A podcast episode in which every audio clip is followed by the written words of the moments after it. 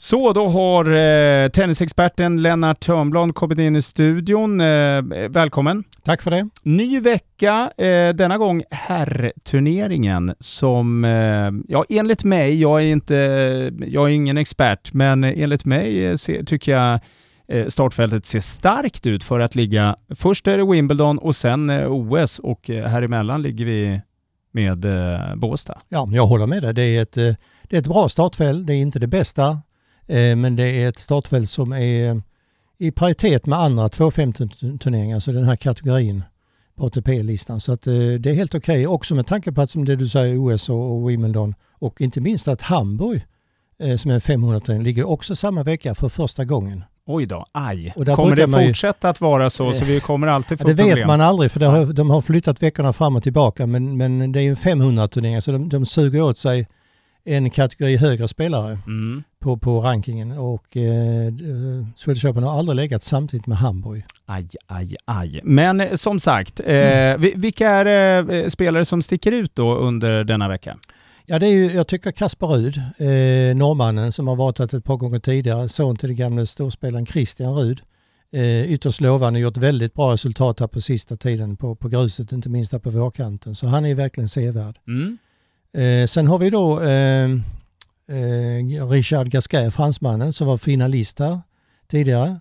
Och eh, också en väldigt, eh, väldigt sevärd spelare. Med man, man brukar prata om världens snyggaste backhand. Ah, okay. oh, eh, wow. Så den är mm. verkligen, den ska man ta sig en extra titt på. ja. Och den har han behållit även om han har tappat, han har rasat lite i spelstyrka. Jag tror att han var, han var i topp 10 en del år men det är han ju inte riktigt än. Nej.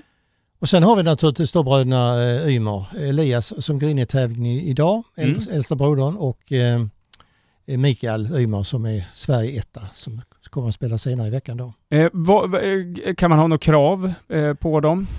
Ja, alltså de, har ju, de är unga fortfarande men de har ju varit med i gamet ganska så länge och rutinerade. Eh, så att eh, jag tycker nog att man kan ställa lite krav på att Mikael åtminstone ska vinna ett par matcher tycker jag. Mm. Eh, och, och, kanske även Elias vinner en eller två, kanske två han också. Men, men eh, de bör vinna någonting, det tycker jag. Mm. Men det är inte, du tror inte final? Ja, man vet ju aldrig. Um, det beror på lite vad som händer på, på andra, hur de andra agerar i startfältet. Om, om Kasper Rud och Gasquet försvinner eller någon annan. Nej, precis. Det finns ju en del, eh, det, det är ett ganska jämnt startfält bakom de här. Rud är ju 14 i världen tror jag, så det är ju en, en, eh, wow. mm. en bra spelare. Men sen, är det ju, sen ligger de ju rankningsmässigt där 50-100, många av dem. Så där är ju, ja, dagsform spelar roll.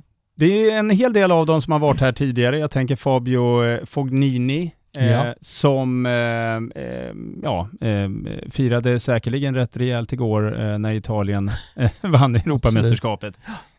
men han är farlig. Absolut, jag, jag glömde nämna honom faktiskt, för han är, han är farlig. Han har ju vunnit också och en, en, en väldigt stabil grusspelare. Sen beror det på vilken, vilken sida han har vaknat på morgonen. Mm. Han kan ju vara lite så här att det går det inte bra så skiter jag mer eller, mer, mer, mer eller mindre i det. Men men han är sevärd. Ja, jag vet också förutom att du är tennisexpert så är du också lite av en väderexpert, eh, Lennart. Eh, eh, veckan ser fin och bra ut. Absolut. Eh, högtrycket tycks bestå och eh, eh, till och med att inslaget av regnskurar som vi har fått en hel del de senaste dagarna lär bli mindre av det. Om, mm. om inte ens något kanske. Nej. Men jag tänker det... tillbaka på en vecka för, eller två veckor för några år sedan när det inte föll en enda droppe på två veckor. Det var i Båstad. Det tycker man, det tror man ju, ja, det händer inte så ofta. Nej, nej så är det ju.